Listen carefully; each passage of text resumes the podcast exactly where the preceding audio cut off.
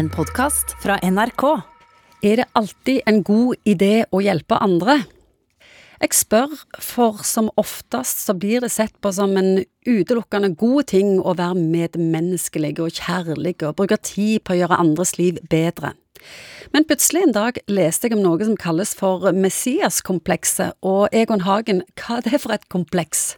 Ja, Det betyr at du tar den helt ut, for å si det sånn. Det er ikke grenser for hvor mange du skal hjelpe. Og at du etter hvert blir ganske flink kanskje å omgi deg med folk som du definerer har et eller annet hjelpebehov. Og Hvis de ikke har det, så burde du prøve nesten å få dem til å, å trenge det. Ja, men Hva er veien med å bruke livet sitt på å hjelpe andre? Jo, men det er litt det der å ta på egen maske før du hjelper andre. og det er et overdreven fokus på andres elendighet for å slippe å forholde seg til sin egen.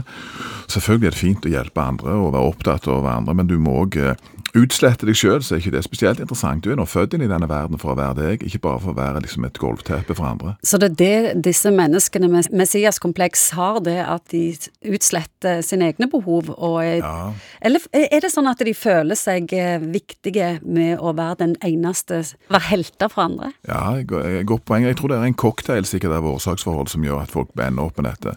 Mange kan finne en enorm kilde til bekreftelse av egen uovertruffenhet med å hjelpe andre. Og så har vi et, et fint begrep i psykologien som heter projektiv identifisering. Det vil si at du Altså, jeg greier ikke å forholde meg til min egen svakhet og sårbarhet, men gjennom å forholde meg til din svakhet og sårhet, så kan jeg på mange måter stryke litt over min egen òg.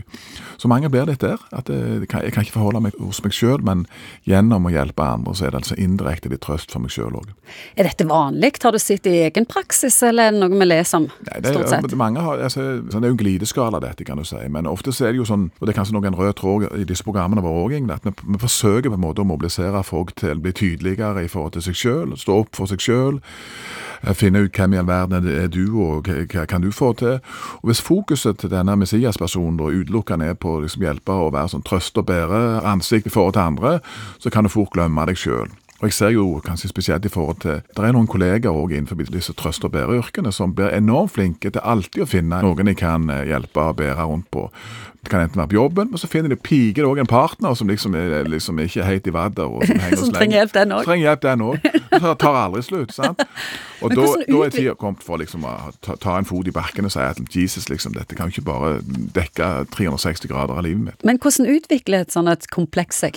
At Ja, du blir en Messias? Ja, det er, kanskje, det er jo en kombinasjon selvfølgelig Altså, personlighetsmessige disposisjoner og kanskje arv. Kanskje har du vokst opp i en sånn familie hvor det å være noen for andre og være litt sånn misjonær eller eh, sykepleier-approach som det er eneste måten å få, få verden til å henge sammen på. Kanskje har du lært dette hjemme, og da er det selvfølgelig større sannsynlighet for at du tar opp stafettpinnen og blir like prektig som det du har blitt fortalt at du skal bli. Så vi trenger små opprør, så jeg ikke tale om seilere. Altså, jeg, eh, jeg kjører mitt eget løp og har ikke tenkt å forsvinne helt bare i omsorg i for til andre. Du har hørt en podkast fra NRK.